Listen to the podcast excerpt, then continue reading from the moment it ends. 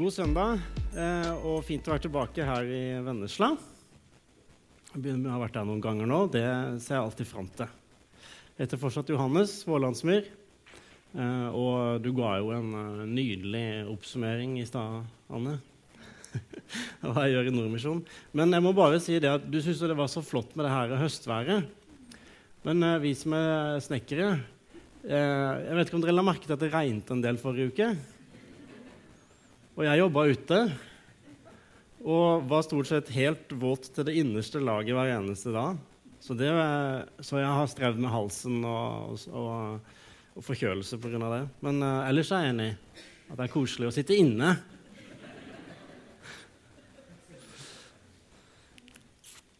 Temaet 'Evangeliet er ikke enkelt' uh, har jeg fått.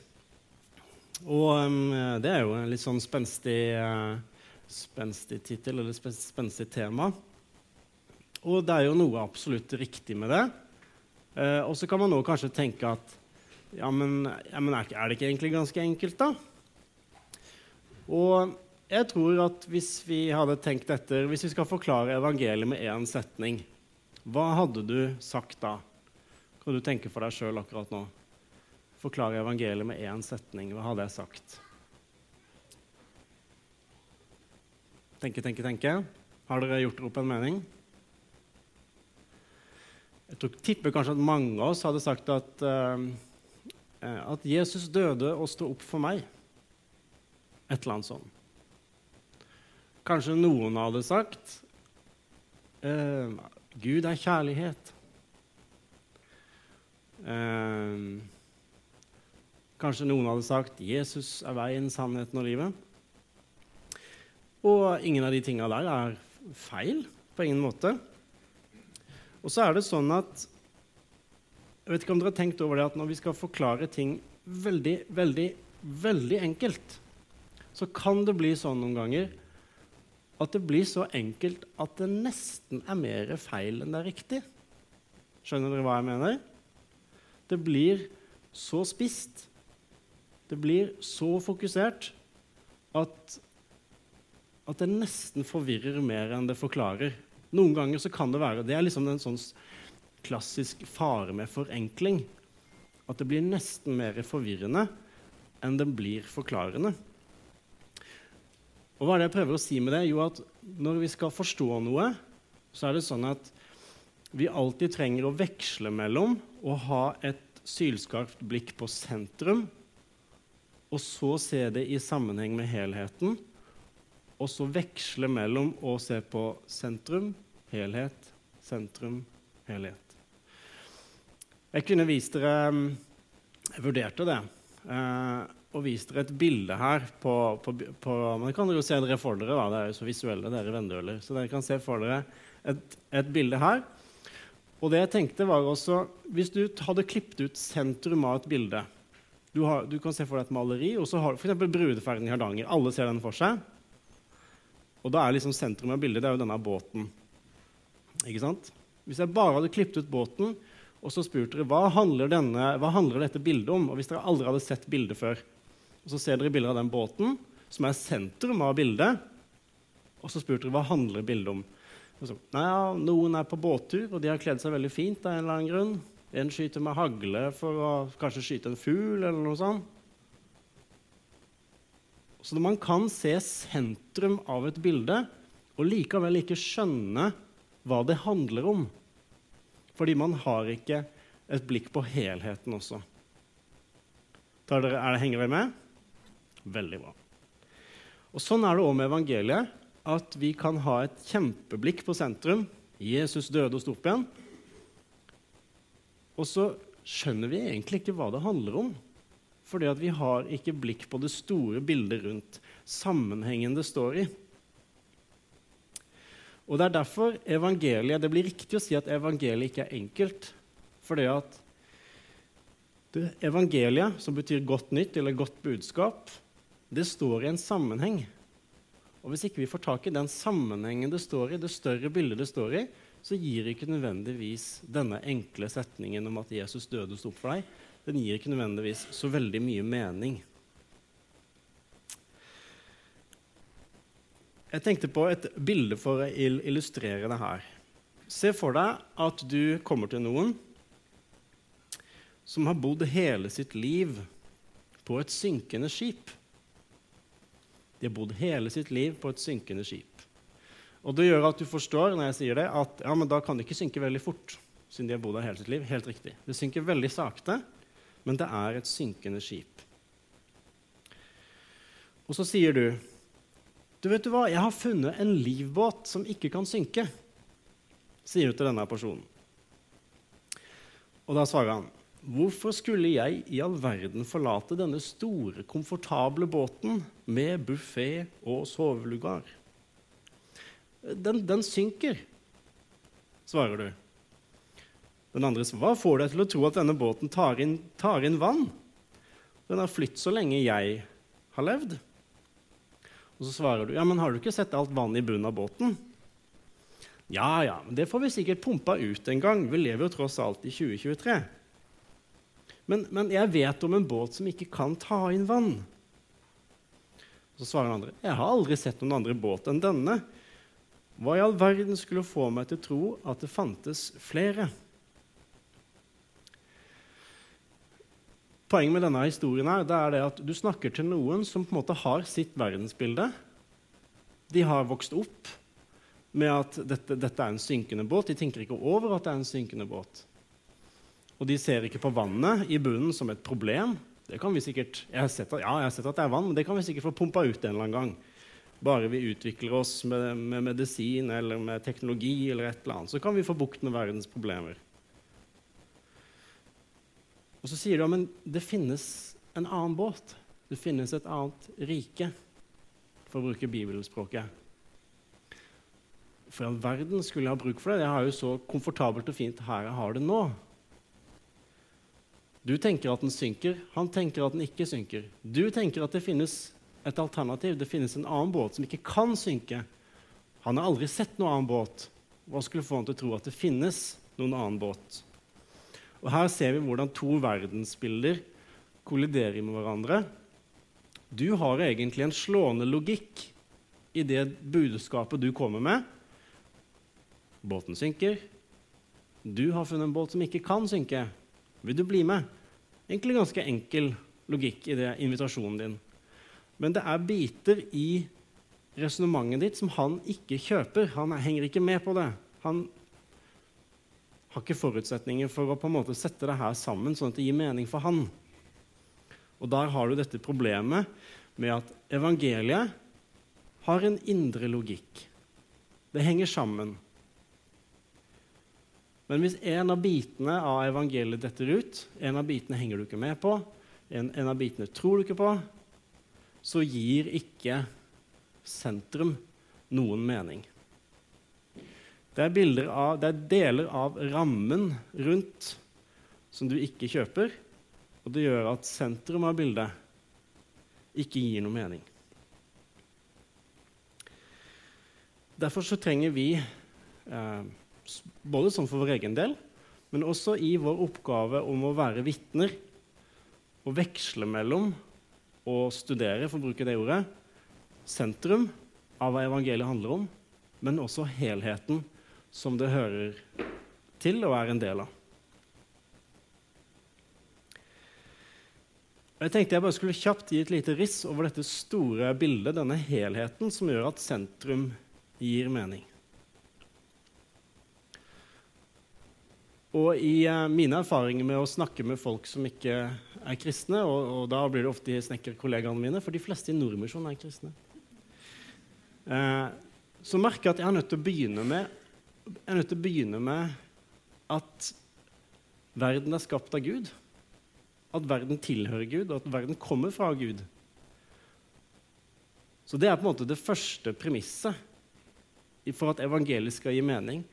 Det er at verden, universet som vi omgir oss med, det er ikke bare en tilfeldighet. Det ble ikke til av seg sjøl, men det kommer fra en som hadde en tanke med det, hadde en hensikt med det og han ville noe med det. Så verden er Guds, det er det første. Nummer to verden ligger i det onde. Det er en litt sånn brutal formulering, men det kommer fra Johannes-evangeliet. Verden ligger i det onde. Og egentlig så tror jeg ikke vi er så veldig uenige i det. Når vi skrur på nyhetene, når vi leser historien, eller når vi kikker inn i vårt eget hjerte, så ser vi at vet du hva? Verden ligger virkelig i det onde. Og sånn som, sier, nei, som Jesus sier For fra hjertet kommer onde tanker. Mord, hor, tyveri. Så det ondes problem er ikke bare noe der ute. Det er noe som har slått røtter til og med inn i vårt eget hjerte. Så verden er Guds, men verden ligger i det onde. Og så kommer det til det tredje. Gud skal dømme verden. Det betyr at han skal sette en stopper for all ondskap og all synd.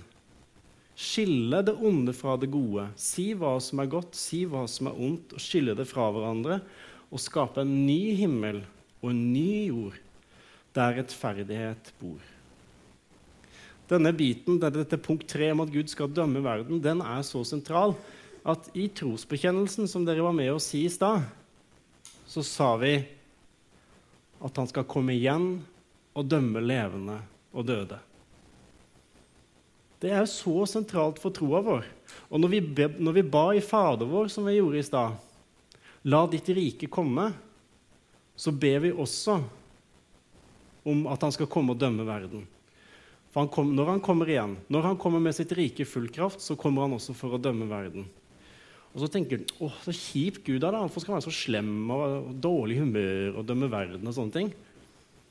Vet du hva? Er det kjærlig av Gud å la ondskapen fortsette akkurat som den vil? Er det barmhjertig av Gud å la synden herske fritt? Det er jo ikke det. Og så kan vi tenke ja, så bra. Ja, Det er på tide at noen tar tak i det her med all driten i verden. Det er flott. Nå Endelig så skal Gud gjøre noe med det. Ja, Det er på tide. Eller så kan man si jeg klarer ikke å tro på noe Gud når det er så mye ondt i verden. Det kristne svaret på det er det at Gud skal gjøre noe med det onde i verden. Han har begynt å gjøre noe med det onde i verden. Spørsmålet er bare at når han tar et oppgjør med det onde i verden og synden i verden, hvordan kommer du ut den dagen? Når Gud skal skape en ny himmel og ny jord som er helt perfekt, hvem kan si 'Der passer jeg fint inn'? I den perfekte verden. Jeg sklir rett inn der. Hva spør kona mi? Nei, det er ingen med selvinnsikt som kan si at de sklir rett inn i en fullkommen verden. Evangeliet betyr godt nytt, godt budskap. Og de gode nyheter er jo ofte, eller som regel alltid, et svar på noe dårlig. Har du tenkt over det? Og den dårlige nyheten er det at vi mennesker ligger vanvittig tynt an når Gud skal dømme verden og skape en ny. Så du kan si det sånn at problemet som evangeliet klinger på bakgrunn av, er dette hvordan kan Gud få synden og døden og ondskapen ut av verden uten at menneskeheten går med i dragsuget? Og da er evangeliet at vet dere hva? Gud har en redningsplan. Det finnes en livbåt som ikke kan synke. For dette, dette, skipet synker, og det skal synke. For det holder ikke mål, dette skipet. Men det finnes en livbåt som ikke synker. Når jeg var ungdom, så var jeg veldig mye på skolelagsleirer. Og, og, og det var en salme eh, som vi sang veldig mye på de skolelagsleirene, som har betydd mye for meg. For det, jeg tror det var noe den salmen var med å rett og slett hjelpe meg å forstå evangeliet. Jeg har en venn som har gitt sitt liv. Jeg skal jeg nå sange dere den sist her? Ikke så lenge siden? Så bra. Og det er jo en sang som, som på en måte koker ned evangeliet til tre vers. Eller til tre vers Hva heter det for noe? Nei. Hva heter det? Vers, ja. Det er det det heter. Det er veldig bra. Anne. Ti poeng. Husker du hva jeg sa nå? Gud skal dømme verden. Han skal, han skal uh, ta vekk alt det onde. Han skal skape en ny. Og så er problemet hva med oss på den dagen? Og så sier han Jeg vet ikke hvem som har skrevet den sammen, men han sier i hvert fall Denne dommen er absolutt, og jeg kan ikke anke. Men når jeg innser at alt er slutt, har Gud en frelsende tanke. Til jorden sender han Jesus som tar på seg både min skyld og dom.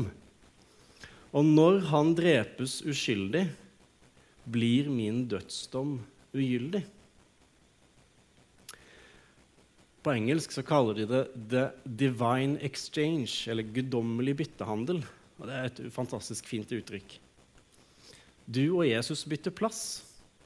Jesus er en stedfortreder, et sonoffer han tar min synd, min skyld, mitt gjeldsbrev, og jeg for hans renhet, rettferdighet, hellighet, barnekår, arverett og evig liv. Det er en ganske grei byttehandel, er det ikke det? Jeg føler kanskje jeg kommer best ut av det.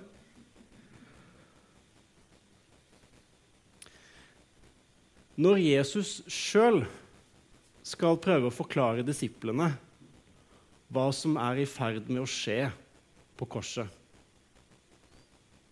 så gjør han det med påskemåltidet. Jeg vet ikke om du har tenkt over det? For påskemåltid, altså nattverd, det var jo noe jødene feira til minne om utvandringa fra Egypt. I 2. Mosebok kapittel 12 så kan vi lese om når jødene blir ført ut av Egypt.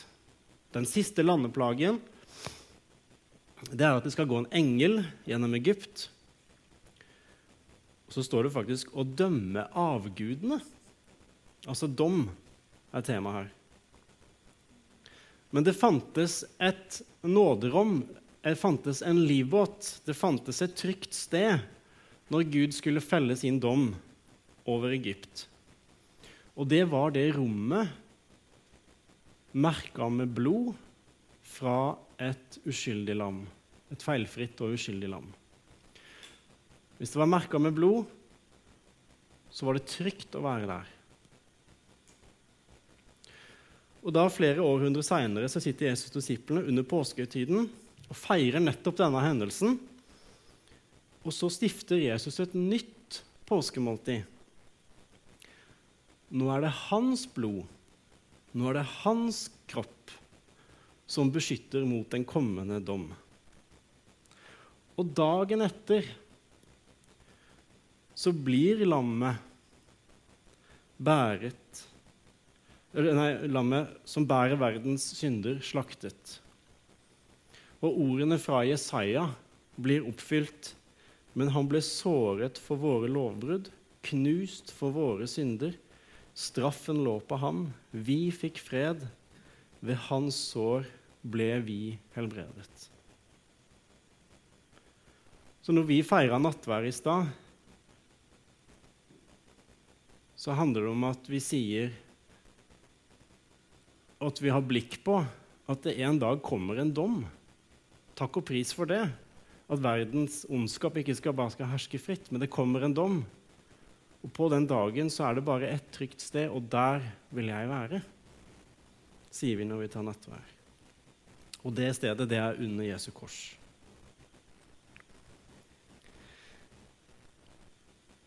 Det var nå, mitt forsøk nå det var å, å ta dere med og se det store bildet som Jesu døde oppstandelse står i.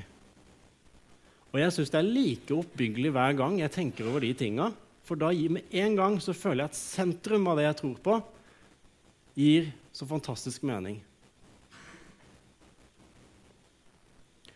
Og så har du kanskje, Hvis du er en litt sånn observant bibelleser, så har kanskje du lagt merke til at når du leser evangeliene, og når du leser Paulus sine brever, så merker du at de snakker ikke om evangeliet på sånn helt lik måte. De har litt ulike ord for det, ulike uttrykk. Og så kan du tenke hvorfor i verden skal han prate om det nå? Uh, og så er det fordi Kristian ba meg om å gjøre det. Er det da tre evangelier, kan man kanskje tenke. Synoptikerne det er et sånt fint ord for Matteus, Markus og Lukas. Der er det Guds rike som er den røde tråden i hvordan de forklarer evangeliet. Og der er greia det at Tanken om Guds rike og da kan vi egentlig si at det er det samme som Guds endelige redningsplan. Messias, frelserkongen Alt dette her var svært kjent for jødene. Det var på en måte i de sitt verdensbilde at de gikk og venta på Guds endelige redningsplan. De gikk og venta på Messias, frelserkongen og Guds rike. Og Det er inn i denne konteksten Jesus og synoptikerne, synoptikerne taler inn i. Og Her ligger altså frelsen i det å vende om fra sine onde veier og tro at denne snekkersønnen fra Nasaret, Jesus, er Messias, han som skal komme med dette Gudsriket som har blitt, løft, blitt gitt løfter om gjennom hele Gammeltestamentet, og som vi ber hver søndag om skal komme i full kraft. I Markusevangeliet så, så oppsummerer faktisk evangelisten Markus hva som er Jesus sitt gode budskap, i en setning.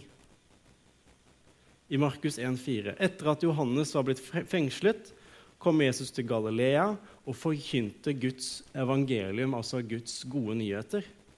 Kolon. Tiden er inne.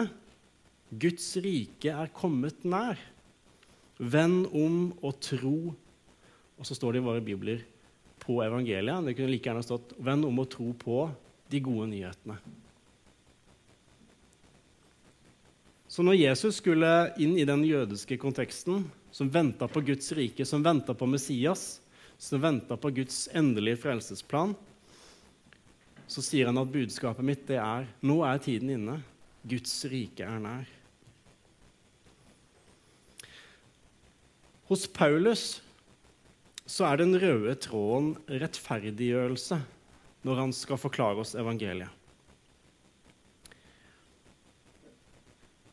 Og her er vi litt inne i rettssalen. Ikke bare litt, men ganske mye.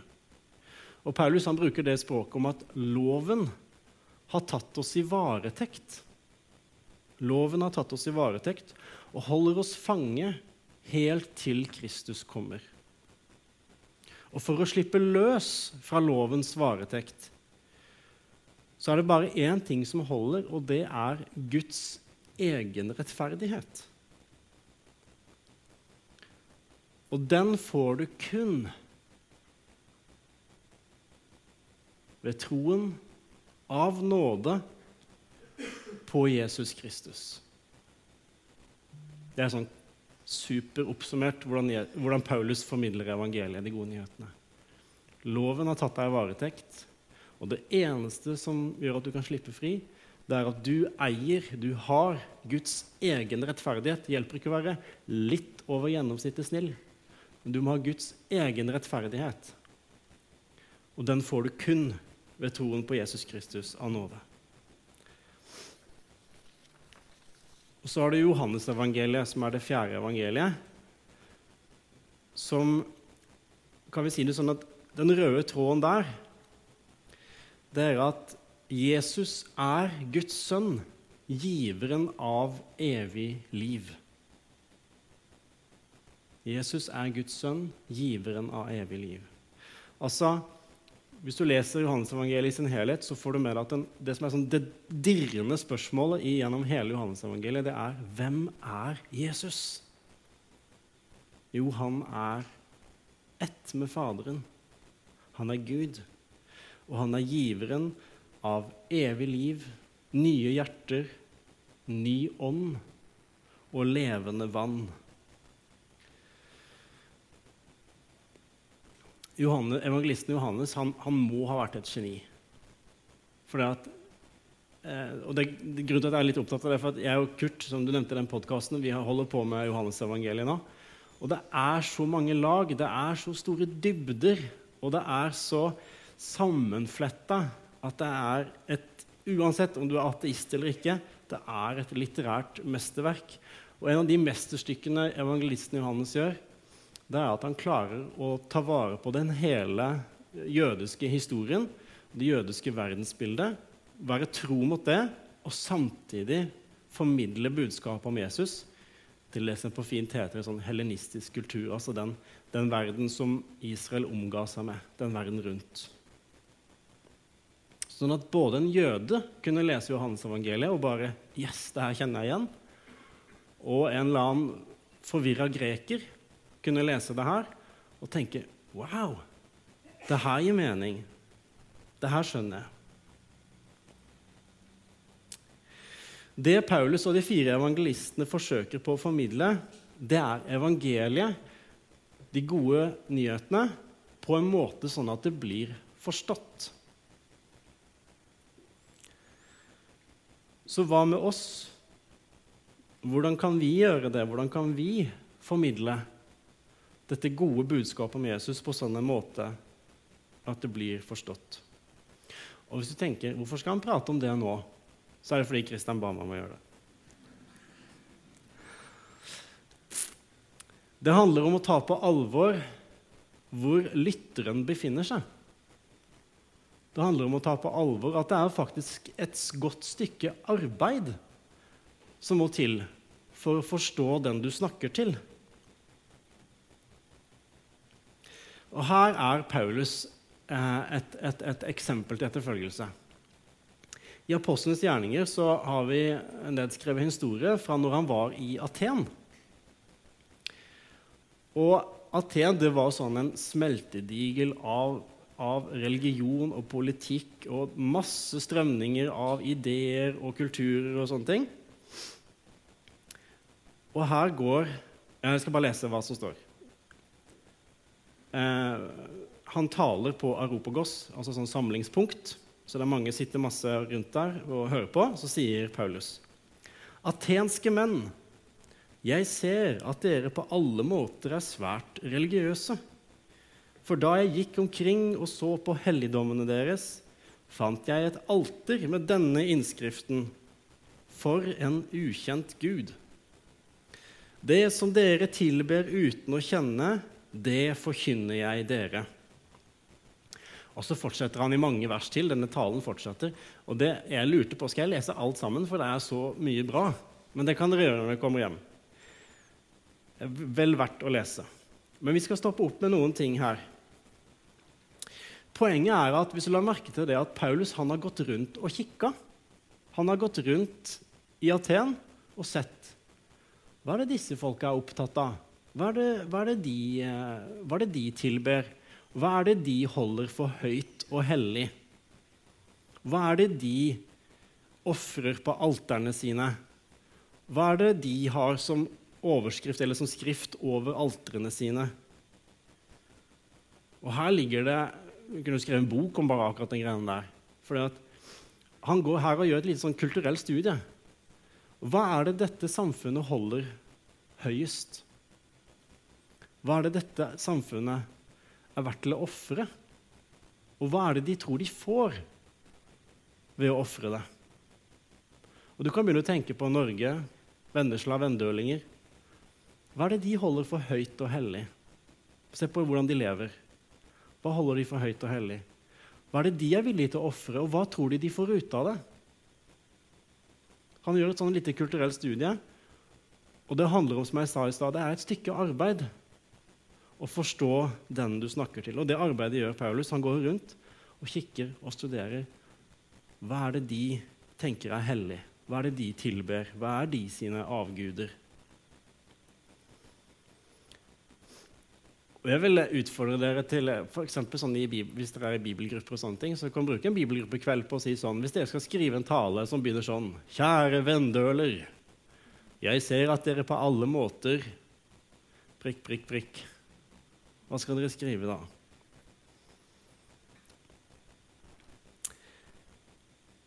Han er eh, godeste kirkefaderen Augustin han har et sitat som er genialt. Han levde på 400-tallet. Du, Herre, har skapt meg, og mitt hjerte er urolig inntil det finner hvile hos deg. Du, Herre, har skapt meg, og mitt hjerte er urolig inntil det finner hvile hos deg. Og det handler om dette her som jeg var inne på, om å kjenne den du snakker til. Lytt til uroen til mennesker.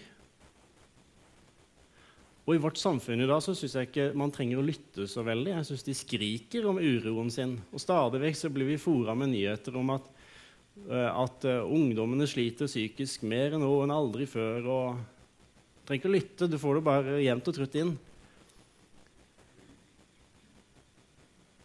Alle mennesker som er skapt i Guds bilde, har en uro, sier Augustin, før de finner hvile hos Gud. Og som vitner så tror jeg vi må være stille og så lytte til hvordan den uroen ser ut i det mennesket jeg snakker med. Og Av og til så tror jeg det er riktig av oss å faktisk vekke den uroen i mennesker. Fordi at vi, I dag har vi så vanvittig mye mulighet til å døyve denne uroen med alt mulig. Og Det kan virke som at det er en sånn verdensmesterskap i å bare dytte inn med inntrykk og diverse greier for å døyve den uroen mest mulig.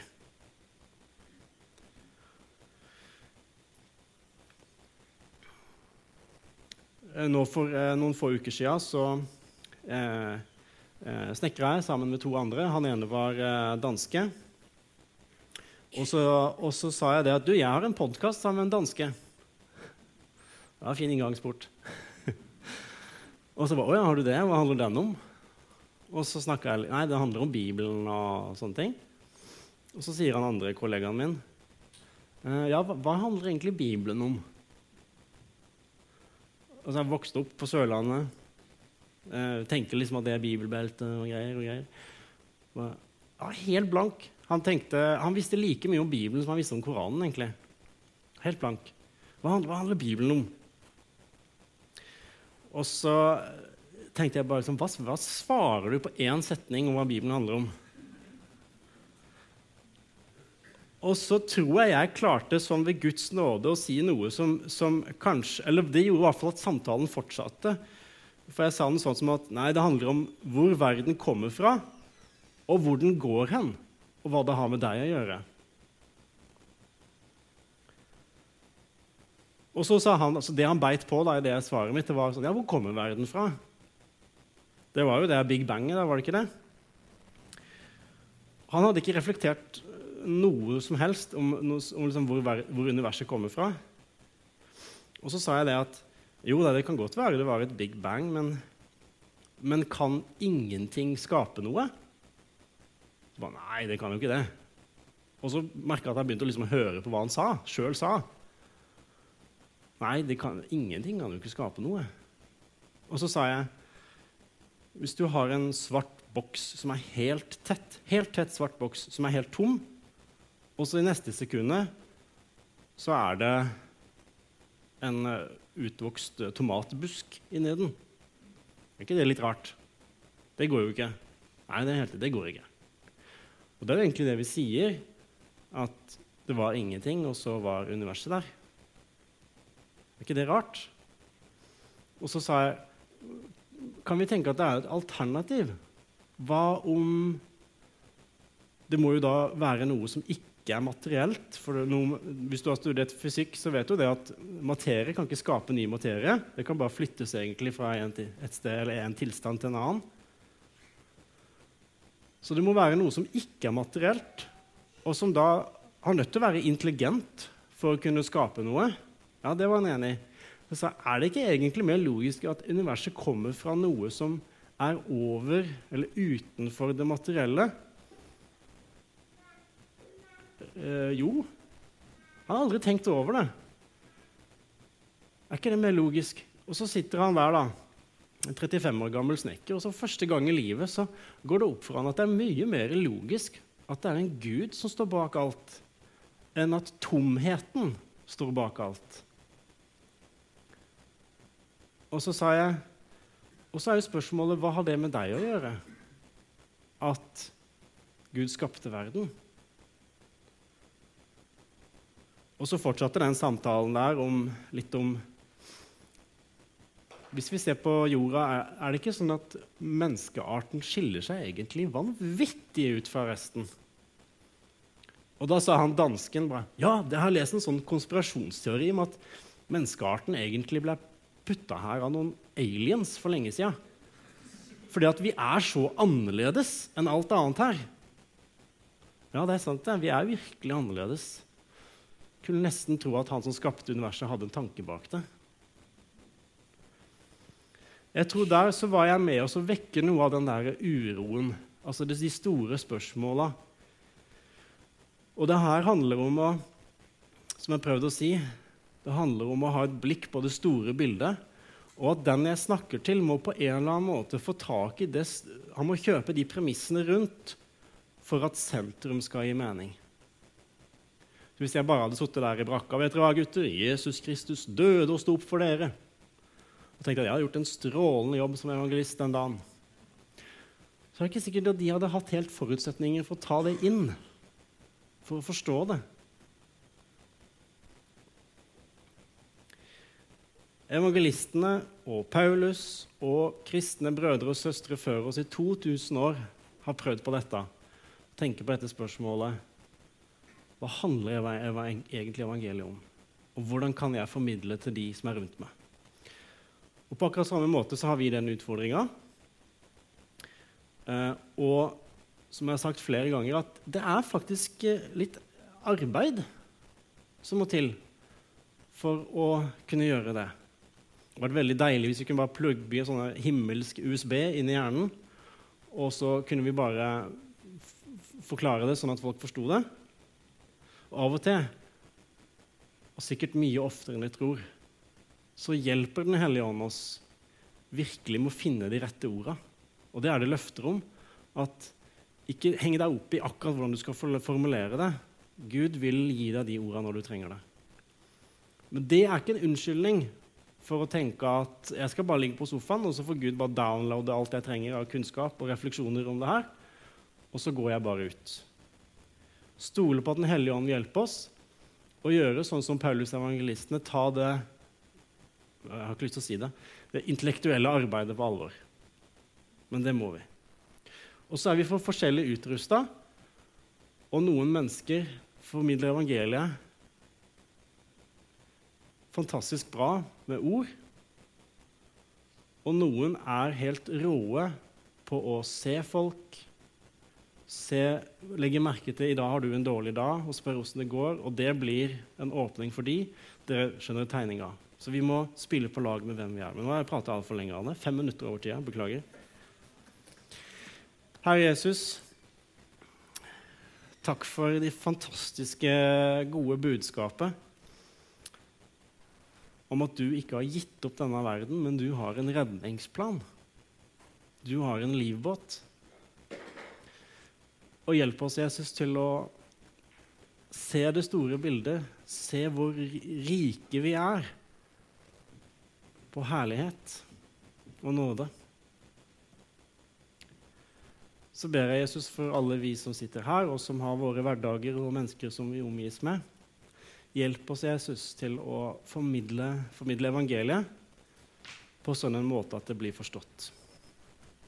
Jeg ber om det i ditt navn, Jesus. Amen.